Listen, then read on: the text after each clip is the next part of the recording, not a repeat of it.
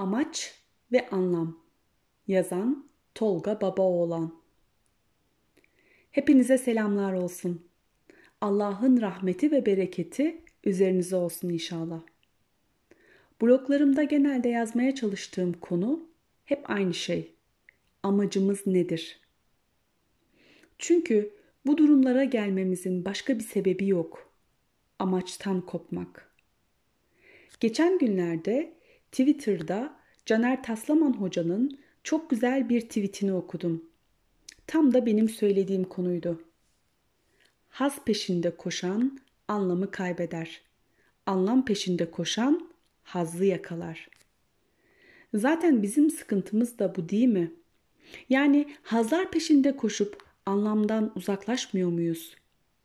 Anlam ile aramızdaki bağ kopunca amacın ne olduğu aklımıza bile gelmiyor. Her şeyin anlamı kayboluyor, anlamını kaybediyor. Amacın vasfı gidiyor ve geriye anlamsız, boşta bir hayat varmış gibi düşünce oluşuyor. Oysa ki bizim bir amacımız var. Amacımız derken hepimizin ayrı ayrı olan zengin olma, lüks içinde yaşama, bla bla amaçlardan bahsetmiyor veya hazlarımızdan bahsetmiyorum. Amacımız ben cinleri ve insanları ancak bana kulluk etsinler diye yarattım. Zariyat suresi 56. ayet. Amacımız Allah'a istediği gibi kul olabilmek. Onun istediği doğrultuda yaşamak, ona teslim olmak. Ama biz amaç yerine araçlara takılmayı seçiyoruz. Çünkü amaç unutuldu amacın yerini araçlar aldı. Haz gibi. Şu anda peşinde koştuklarımızın çoğu araçtan başka bir şey değil. İyi bakın, iyi düşünün. Tabi şu da var ki hepimizin amacı aynı olmayabilir. Ama Müslümanım diyen bir insanın bence başka bir amacı olması yanlış değil mi? Yoksa ben mi yanlış düşünüyorum? Teslimiyet amaca yönelik amel değil mi? Yoksa teslimiyet başka bir şey mi?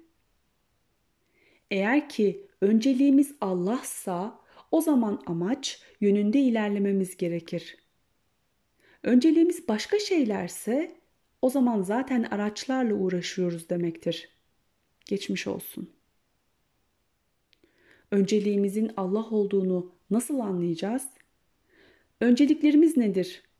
Düşünmemiz gerekiyor sanki yine. Düşünelim. Amaç, öncelikler, biz neresindeyiz, neresinde olmalıyız ve kime göre? Kime göresi de önemli.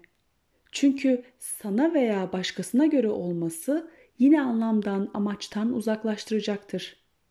Bana göre, ona göre olacak. Oysa ki Allah'a göre olması gerekmez mi? Yanlışsam lütfen beni düzeltin. Allah yar ve yardımcımız olsun.